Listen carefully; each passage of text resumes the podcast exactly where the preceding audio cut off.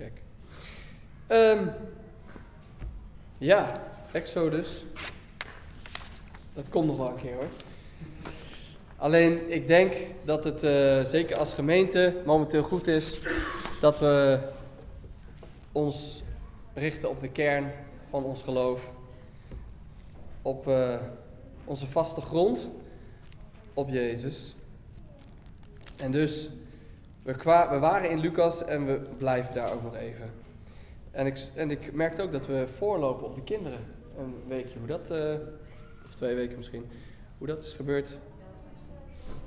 Oh, ik dacht, ben ik nou zo enthousiast dat ik ook nog eens vooruit ga lopen? Nee, oké. Ehm, ik wil eigenlijk twee stukken met jullie lezen. En dat is uh, Lucas 7 en een stukje in openbaring. Um, eerst Lucas hoofdstuk 7. Um, vanaf uh, het, begin. Toen Jezus aan het einde was gekomen van zijn toespraak, heeft hiervoor Lucas 6 toespraak gehouden. Um, dat lijkt een beetje op de toespraak die we vinden in Matthäus 5. Um, die is ten einde gekomen en hij ging Capernaum in. En de centurio die daar woonde had een slaaf die ernstig ziek was en op sterven lag. En de centurio was erg op deze slaaf gesteld. Nou, als je nu zo het verhaal binnenkomt, dan, als je een beetje iets weet van, van, van de Bijbel, dan gaat je uh, gedachte misschien ook wel terug naar het, het verhaal van uh, Elisa en Naaman. Je moet het maar eens opzoeken. Um, uit mijn hoofd 2 Koningen 5. Uh, waar ongeveer hetzelfde verhaal plaatsvindt. En als je dat naast elkaar legt, vind je zoveel overeenkomsten dat het te opvallend voor woorden is.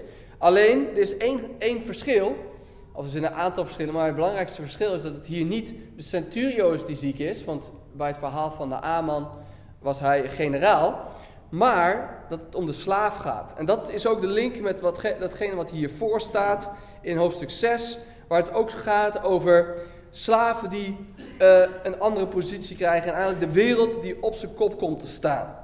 En dat is wat we hier ook zien gebeuren. Een centurion die opkomt voor een slaaf en een slaaf die hersteld wordt. Dat zal ik alvast verklappen. Um, toen hij over Jezus hoorde, dus die centurio, zond hij enkele Joodse leiders naar hem toe om te vragen bij hem te komen en zijn slaaf van de dood te redden. Interessante situatie. Dus die Joodse leiders worden gebruikt eigenlijk om naar Jezus te gaan, om vervolgens dus die vraag over te brengen. En toen ze bij Jezus waren gekomen, drongen ze er bij hem op aan mee te gaan. En ze zeiden: De man die u dit verzoekt, verdient het dat u hem deze gunst bewijst. Want hij is ons volk goedgezind, of uh, je zou ook kunnen vertalen: Hij heeft ons volk lief en heeft voor ons de synagoge laten bouwen. Jezus ging samen met hem op weg. En hij was al niet ver meer van het huis verwijderd toen de centurio enkele vrienden naar hem toestuurde. Met de mededeling: Heer, spaar u de moeite, want ik ben het niet waard dat u onder mijn dak komt. Daarom ook achtte ik mij niet waardig om zelf naar u toe te gaan. Maar u hoeft maar te spreken en mijn knecht zal genezen zijn. Ook ik ben iemand die onder andermans gezag staat en zelf weer soldaten onder zich heeft. Als ik tegen een soldaat zeg ga, dan gaat hij. En als ik tegen een andere zeg kom, dan komt hij. En als ik tegen mijn slaaf zeg doe dit, dan doet hij het. Toen Jezus dit hoorde, verbaasde hij zich over hem. Hij keerde zich om naar de menigte die hem volgde en zei: Ik zeg jullie, zelfs in Israël heb ik niet zo'n groot geloof gevonden. En even reminder, als je geloof vindt in het Nieuw Testament, dan kan je dat ook altijd vertalen met vertrouwen. Ik heb niet zo'n groot vertrouwen gevonden. Want het gaat hier om het vertrouwen dat hij heeft in Jezus. We hebben het ook gezongen. Geloof, ik geloof u en ik vertrouw op u. Goed, die vrienden van de centurio die keerden terug naar zijn huis en troffen daar de slaaf in goede gezondheid aan. Voor wie een beetje heeft opgelet, ziet dat het woord waarde um, in ieder geval is teruggekomen, vers 7. Vers 6, ik ben het niet waard, ik achtte mij niet waardig. En ook in het verhaal van de fariseeën zit het woord waardig eigenlijk. Want zij zeggen, hij is het, hij is het waard zeg maar, om geholpen te worden. Hij heeft het verdiend. je moet bedenken dat waarde heeft altijd met dat je iets verdient te maken. Of wel of niet. Maar ehm, die twee zijn natuurlijk aan elkaar gekoppeld. En, en ik wil even, even het stapje terug doen en even nadenken over waarde sowieso. wat ben jij waard? Ik heb het even gegoogeld en dan kom je allemaal verschillende podcasts tegen over wat ben jij waard. Namelijk, wat ben je financieel waard en verdien je wel genoeg op de plek waar je bent. Misschien ben je wel veel meer waard, kan je veel meer omzetten. En uh, hoe kan je je eigen, je waarde, zeg maar, financiële waarde op de markt verhogen? Nou, dat zijn allemaal uh, interessante vragen. Um, maar het zit veel dieper in onze samenleving. Ik weet niet wie vanochtend L'Oréal Paris heeft gebruikt. Ja, zijn er mensen? Omdat je het waard bent, toch? Ja, dat is hun slogan. Uh, kijk, because you're worth it. Dus, uh, en dat, gaat, dat, dat is al 50 jaar hun slogan. Jij bent het waard, zeg maar, dat je dure crème op je smeert. Dat, dat ben jij waard. En uh, nou, ik, ik, wil je aanraden om eens wat YouTube-filmpjes te kijken. Het is heel interessant wat daar dan voorbij komt, want het is een soort mantra. Als je dat maar herhaalt over jezelf, ik ben het waard, ik ben het waard. Nou, dan, dan ga je vanzelf wel naar de ethos en dan koop je zoiets. Want jij bent het waard. En, en de vraag is dan, wat, maar wat verdien je nou precies? Wat ben je nou precies waard eigenlijk? de andere vragen die in onze maatschappij ook leven, waar heb je recht op? ik heb recht op van alles en nog wat. Ik, ik, hoor het vaak om me heen. Ik heb recht op dit, ik heb recht op dat, of, of dit ben ik waard. En, en ik denk dat is in onze maatschappij best wel een grote spanning. Het staat best wel onder druk. Ik zie ook mensen die twijfelen over hun eigen waarde en dat, dat dan uiten naar het systeem toe. dus dan zie je dat er onzekerheid is en dan vervolgens moeten wij of moet het systeem met z'n allen maar zorgen dat, dat die waarde wel weer gegeven wordt, dat die wel weer bevestigd moet worden. ik, ik vind het um, moeilijk dat, er, uh, dat ik niet word aangesproken in de, in de omroepen op het station. Dat moet breder. Dus moeten we, uh, die waarde moet ook daarin terugkomen. En daar kan je van alles van denken, maar dat zit daaronder. Als je niet wordt aangesproken, heb je geen waarde. En die waarde die kunnen we dus, die komt extern. we, kunnen, voelen allemaal wel dat we onze waarde kunnen voeden met iets kopen bijvoorbeeld. Iets moois kopen, dat we uh, mooie spullen hebben. Daardoor verhogen we onze, onze waarde, misschien onze eigen waarde zelfs. En dat het ook van binnen komt, dat je um, ook zelf het gevoel kan hebben, ik ben iets waard. Je kan het um, hebben en je kan het ook willen verdienen elke keer. Dat je het van anderen nodig hebt. Dat die jouw waarde bevestigen of waarde geven. Waarde, de waarde die jij hebt uiten. Nou, daar is van alles over te zeggen, maar eigenlijk wil ik, wil ik dan vanuit de tekst kijken naar, naar waarde. Waar, zit, waar wordt waarde nou aangesproken in de Bijbel? En waarde is heel interessant hoe dat in deze tekst naar voren komt.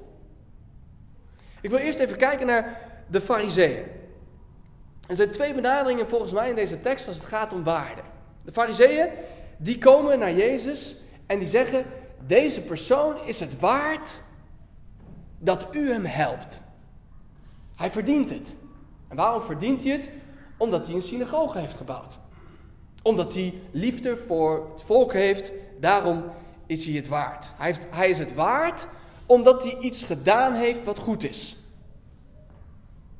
Daar kwam ook de druk bij, bij de fariseeën vandaan, want die voelden ook van, oh, deze, man heeft veel voor ons gedaan. niet dat ze heel veel zin hadden om door, Jezus, door, de, door die centurio naar Jezus gestuurd te worden, als een soort tussenpersoon te functioneren. Maar daar was een, die hadden ook een soort schuld opgebouwd. En dit is dan ook hoe we voor God kunnen komen. Dat wij voelen van, wij hebben het verdiend. In Os hoor ik vaak, dat is zo'n goede mens. Nou, dat betekent dat, dat hij dan heel wat verdient. Dat, ja, ben ik de enige die dat uh, hoort? Of, ja, dus zo'n goede mens, dat betekent, nou, dat, die heeft wel het een en ander gedaan wat heel goed is.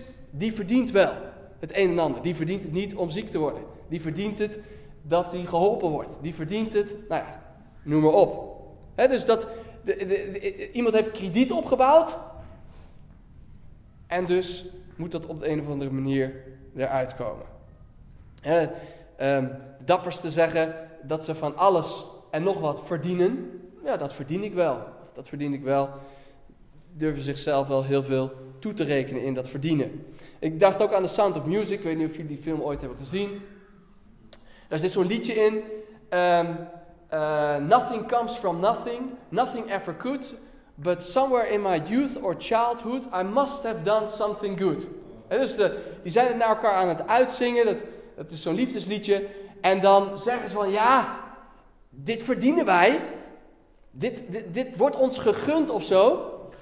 Omdat we in het verleden iets goeds hebben gedaan. Ja, we hebben krediet opgebouwd en de krediet zijn we nu aan het verzilveren. We kunnen ook denken aan die fariseer die gaat bidden en die zegt, ik, u moet wel trots op mij zijn. Hè, want ik heb dit en dit en dit en dit, gedaan. Dus ik heb uw liefde verdiend als het ware. En, en ik geloof dat, dat God niet zo werkt. iemand zei deze week, ik vond het mooi, we staan allemaal rood bij de morele bank. Dan staan we allemaal rood. En ik denk dat we onszelf ook wel voor de gek kunnen houden als we zeggen dat wij um, heel veel verdienen. En ik denk dat als je zo redeneert ook, dat jij dingen moet verdienen, dat je dan uiteindelijk bedrogen zult uitkomen. Dat je uiteindelijk ergens daartegen aan zal lopen. Dat het niet helemaal zal kloppen. Verdien je het, zou ik ook willen vragen om naar de hemel te gaan, als we zo mogen spreken. Ik heb wel eens mensen gesproken die zeiden, ja, ik verdien het om naar de hemel te gaan. Nou, zeg ik, voorzichtigheid is hier geboden volgens mij. het kan wel eens drijfzand zijn waar je momenteel op staat. Ik zou voorzichtig zijn met uit te spreken wat je precies verdient. Maar goed is, dan, dan gaat het verhaal door. Hè? Jezus gaat mee in dat verhaal. Hij verdient het. Nou, dat, dat gaan we doen. En dan, net voordat ze bij het huis komen, zendt de centurio vrienden. Zijn vrienden. Ik vind het eh, eigenlijk het contrast ook heel mooi. Eerst zijn het de fariseeën. En daarna stuurt hij zijn vrienden. En dan komt eigenlijk volgens mij iets boven van wat werkelijk in zijn hart zit. En in zijn hart zit heel iets anders dan ik verdien het omdat ik een synagoge heb gebouwd, bla bla bla. Want wat zegt hij? Of wat laat hij zeggen eigenlijk? Want Jezus ontmoette dus die centurio helemaal niet. Spaar u de moeite, want ik ben het niet waard dat u onder mijn dak komt. Daarom ook acht ik mijzelf niet waardig om zelf naar u toe te gaan. Dat is een hele andere toon die eruit klinkt. Niet, ik verdien het, ik heb een synagoge gebouwd, dus nu moet die slaaf van mij wel genezen, maar ik ben het niet waard. Lucas gebruikt het woordje waard nog ergens anders in zijn evangelie. En dat verhaal kennen wij bijna allemaal, denk ik wel. Dat is als de verloren zoon naar huis gaat. En hij zegt, ik ben het niet waard om nog langer uw zoon te zijn. Het getuigt volgens mij van eerbied. En van vertrouwen. Eerbied, namelijk, je weet dat er, zeg maar, dat, dat jij niet God bent. Dat daar afstand tussen is, als het ware. Dat, dat je niet op gelijke voeten met God staat. Dat je niet met hem geknikkerd hebt, als ik het zo even mag zeggen. En het getuigt van vertrouwen. hij, hij spreekt allereerst Heer, wat een groot woord was in die tijd. Hij spreekt, als u maar één woord, in het Grieks staat er, als u maar één woord spreekt, zal de slaaf genezen en hij heeft inzicht in het gezag van Jezus. Hij zegt, ik werk op deze manier. En voor u moet het ook zo werken. En dan, als we nog iets verder inzoomen op dat woordje waarde, dan zien we dat in het Nieuw Testament dat, waar, dat woordje waarde eigenlijk op drie manieren voorkomt. De eerste vinden we hier. Ik ben iets niet waardig. Ik ben het niet waardig om in uw aanwezigheid te zijn, bij wijze van spreken. Ik ben het niet waardig dat u onder mijn dak komt. Maar het tweede woordje waardig, dat vinden we in Openbaring 5. Ik kondigde al aan dat we daar iets gingen lezen. En volgens mij is daar de kern van waar waarde ligt. Openbaring 5. Er staat, toen zag ik dit. Degene die op de troon zat, had in zijn rechterhand een boekrol, die aan beide kanten beschreven was en met zeven zegels was verzegeld. En ik zag een machtige engel die met luide stem uitriep, roep, riep, wie komt er toe de zegels te verbreken en de boekrol te openen? dat is dezelfde vraag eigenlijk. Wie verdient het? Wie is het waard om dat te doen? Maar er was niemand in de hemel of op de aarde of onder de aarde die de boekrol kon openen of inzien. En dat deed met veel verdriet. Johannes staat erbij en kijkt ernaar. Het deed hem verdriet. Dat er blijkbaar niemand het verdiende, opnieuw dat woord, om de boekrol te openen en hem in te zien. En toen zei een van de oudsten tegen mij: Wees niet verdrietig. Want de leeuw uit de stam Juda, de telg van David, heeft de overwinning behaald. En daarom mag hij de boekrol met de zeven zegels openen. En midden voor de troon tussen de vier wezens en de oudste zag ik een lam staan. Dus er hoort een leeuw en hij ziet een lam. En het zag eruit alsof het geslacht was. En dat had zeven horens en zeven ogen, dat zijn, dat zijn de zeven geesten van God die over de hele wereld zijn uitgestuurd. En het lam ging naar degene die op de troon zat en ontving de boekrol uit zijn rechterhand. En op dat moment wierpen de vier wezens en de 24 oudsten zich voor het lam neer. En ieder van hen had een lier en een gouden schaar vol wierook. Dat zijn de gebeden van de heidenen. En ze zetten een nieuw lied in. U verdient het om de boekrol te ontvangen en zijn zegels te verbreken. U verdient het. Dus als we helemaal aan de onderkant komen, helemaal het afpellen, dan is die ene vraag: wie verdient het?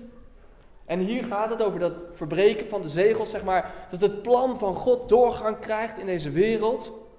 Dat het reddingsplan van God wordt ingezet, dat er uiteindelijk vrede zal zijn. Wie verdient dat om dat te doen? Dan is er maar één. Er is maar één. En dat is het lam. Dat is Jezus. Daar begint waardigheid. Waardigheid begint niet bij ons. Waardigheid begint als wij omhoog kijken en op Jezus zien. Dan mogen we daar zien dat Hij waardig is. Dat Hij het heeft verdiend.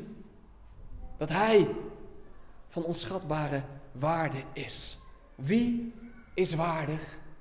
Het lam is waardig.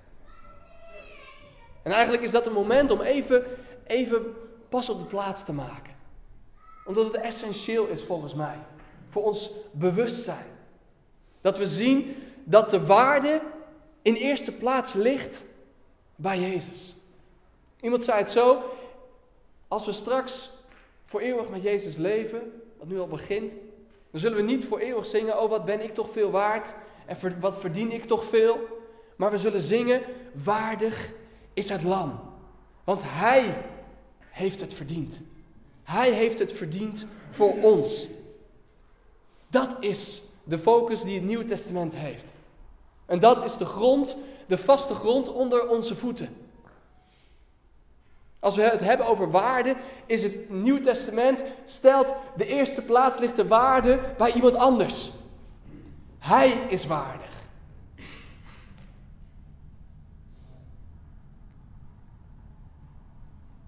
Hij alleen. En dan vervolgens mogen we verder kijken. Want aan het kruis van Jezus wordt dan vervolgens onze waarde zichtbaar. Wij hadden waarde, wij hebben waarde omdat God van ons houdt. Maar de vraag is altijd, hoeveel houdt God van ons? En aan het kruis wordt zichtbaar dat God oneindig veel van ons houdt, omdat Hij zijn enige zoon voor ons heeft gegeven. Aan het kruis wordt onze waarde zichtbaar. De waarde die wij hebben in de ogen van God. Hey, iemand een lied vertaald in het Engels. Ik heb hem ook gedeeld op de church app. Volgens mij wordt hij over een uurtje zichtbaar. En dat is: Mijn waarde ligt niet in bezit. Niet wat in aardse rijkdom is, maar in de prijs die is betaald aan het kruis. Mijn waarde hangt niet af van roem, van winst, van verlies of wat ik doe. Maar kostbaar ben ik door zijn werk aan het kruis. Of iets anders, ik weet niet of, of iemand van jullie als Hour of Power kijkt. Volgens mij begint dat altijd met de volgende tekst. De volgende. Ja, nog de volgende. Deze. Oeh, is dat te lezen? Die begint met: Ik ben niet wat ik doe. Ik ben niet wat ik heb. Ik ben niet wat mensen over mij zeggen. Ik ben Gods geliefde kind, dat is wie ik ben. Niemand kan dat van mij afnemen. Ik hoef geen zorgen te maken. Ik hoef me niet te haasten. Ik kan Jezus vertrouwen en zijn liefde met de wereld delen. Als we zien op Jezus, dan ontvangen we daardoor onze waarde. En als we dat geloven, dan ontvangen we vrijheid. onze dingen, onze, onze waarde wordt niet bepaald door die dingen die we net noemden. En als we, als we daar wel onze waarde in vinden, dan zullen we bang zijn om dat te verliezen. Bang voor het verliezen van onze baan, voor het verliezen van ons salaris, voor het verliezen van onze reputatie, voor het verliezen van onze populariteit, voor het verliezen van onze geloofwaardigheid, voor het verliezen van onze welvaart, voor onze controle. Als we bang zijn om dat te verliezen, dan zijn we niet werkelijk vrij. Want dan zullen we ons verdedigen tegen het verlies van datgene wat we het meest waarderen. En het spannende is dat we dat meestal niet zo weten. we kunnen hier zitten en denken, ja, daar heb ik allemaal niet zo'n last van. Maar als de druk groter wordt, dan ga je merken wat er echt belangrijk is in je leven. En ik wil niet zeggen dat iedereen hier dus morgen maar onder druk moet komen te staan. Dus zullen we het op een andere manier ook onszelf moeten oefenen. We zullen misschien het verhaal moeten herhalen of mediteren over, over deze tekst. Dat, dat opzeggen, dat ons eigen maken. Zodat we klaar voor zijn als dat nodig is. We zullen het moeten oefenen in de relaties met anderen. En waar zit dat dan in? Nou, voor iedereen denk ik een beetje anders, maar een aantal dingen kan ik wel noemen. Het, het leren accepteren dat er verschillen zijn tussen ons. Daar zit het volgens mij. Het leren nee zeggen. Daar zit het volgens mij. Stoppen met altijd willen winnen. Die gaat zeker voor mij op. Leren anderen, anderen te vertrouwen. Of verantwoordelijkheid te geven. Niet zomaar relaties opgeven. In al die dingen zit iets van controle. Zit iets van, dat vind ik het allerbelangrijkst. En dus bescherm ik mijzelf op die manier. Of zorg ik dat ik daar niet mijn waarde in verlies. Maar we zijn geroepen om vrij te zijn. We zijn geroepen om zonder verdediging te leven.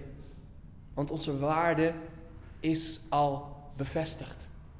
De waarde die wij hebben is bevestigd aan het kruis.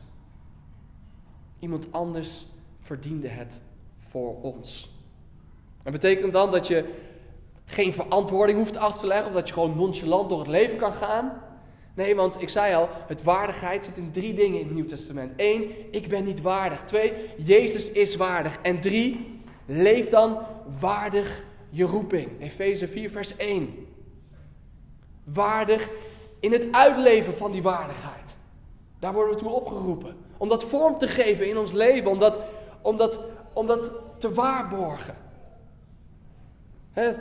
Paulus zegt in Efeze 4, vers 1: Ik vraag u dringend de weg te gaan die past bij de roeping die u hebt ontvangen. In andere vertaling staat daar: waardig de roeping die u hebt ontvangen. Goed, ik wil gaan afsluiten. Eén kleine gedachte nog. Het interessante is in deze tekst, ik weet niet of je het is opgevallen, wat zegt Jezus hier in dit verhaal? Maar één ding. Hij zegt, ik heb in heel Israël nog niet zo'n groot geloof gevonden. Maar hij zegt niks over de slaaf. Dan kan je natuurlijk zeggen, dat is wel gebeurd, maar Lucas heeft het even voor het gemak weggelaten. Maar voor mij is dit even heel belangrijk. Want volgens mij, eh, voor mij neem ik in ieder geval mee dat als wij met eerbied en vol vertrouwen naar Jezus toekomen, dat we niet hoeven te wachten op dat ene woord, maar dat we mogen vertrouwen dat Jezus werkt. Om het even te vertalen naar onze tijd. Een tijdje ben ik bezig geweest met wat is Gods plan voor mijn leven. Moet ik hier links? Moet ik hier rechts? dat werd bijna iets dagelijks. Moet ik, moet ik dit doen of moet ik dat doen? Heer, als u nu geen antwoord geeft, dan moet ik blijven staan. Ik weet niet of dat herkenbaar is. Maar volgens mij daagt deze tekst ons uit om allereerst gewoon naar Jezus te kijken. Om eerbied voor Hem te hebben en Hem te vertrouwen. En dan ook te weten dat als Hij geen woord spreekt, dat Hij werkt. Als Hij geen woord spreekt, dat het uiteindelijk goed komt. Dat Hij het leidt. Dat Hij er is. En dat geeft me zoveel troost op dit moment. Ook als Hij geen woord spreekt. Mijn verantwoordelijkheid is het om in eerbied en vertrouwen op Hem te zien.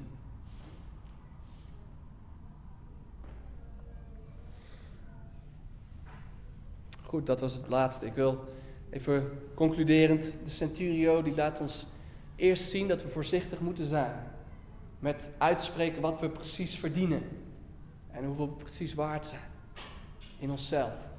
Twee, hij laat zien dat iemand anders waardig is en alles verdiende. En drie, dat als we Hem vertrouwen en op Hem zien, dat we mogen weten dat ook wij waarde ontvangen. Dat wij van waarde, van grote, grote waarde zijn. Zullen we afsluiten in gebed?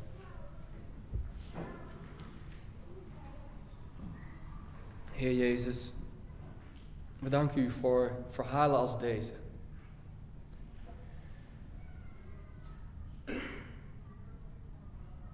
We danken u dat we mogen weten hoe, hoe u wandelde op deze aarde. Wat u deed. En dat we daar zo concreet van mogen leren.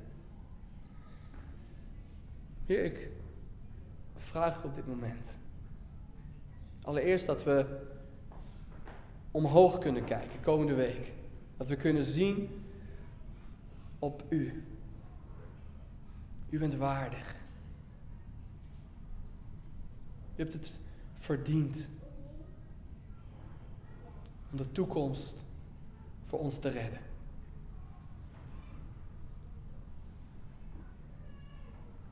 Heer, en dat we vanuit dat bewustzijn ook mogen weten dat wij van grote waarde zijn. Help ons om dat te zien en met wijsheid daarvan uit te leven. In onze relaties.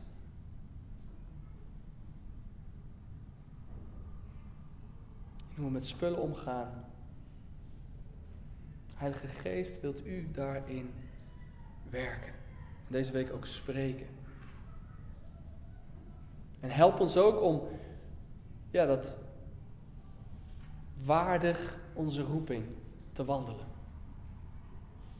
Heer, we hebben een grote roeping om ons leven gelegd. Als uw kinderen in deze wereld te zijn, help ons om dat waardig u te doen. Dat bidden we in de naam van Jezus, onze koning. Amen. We zingen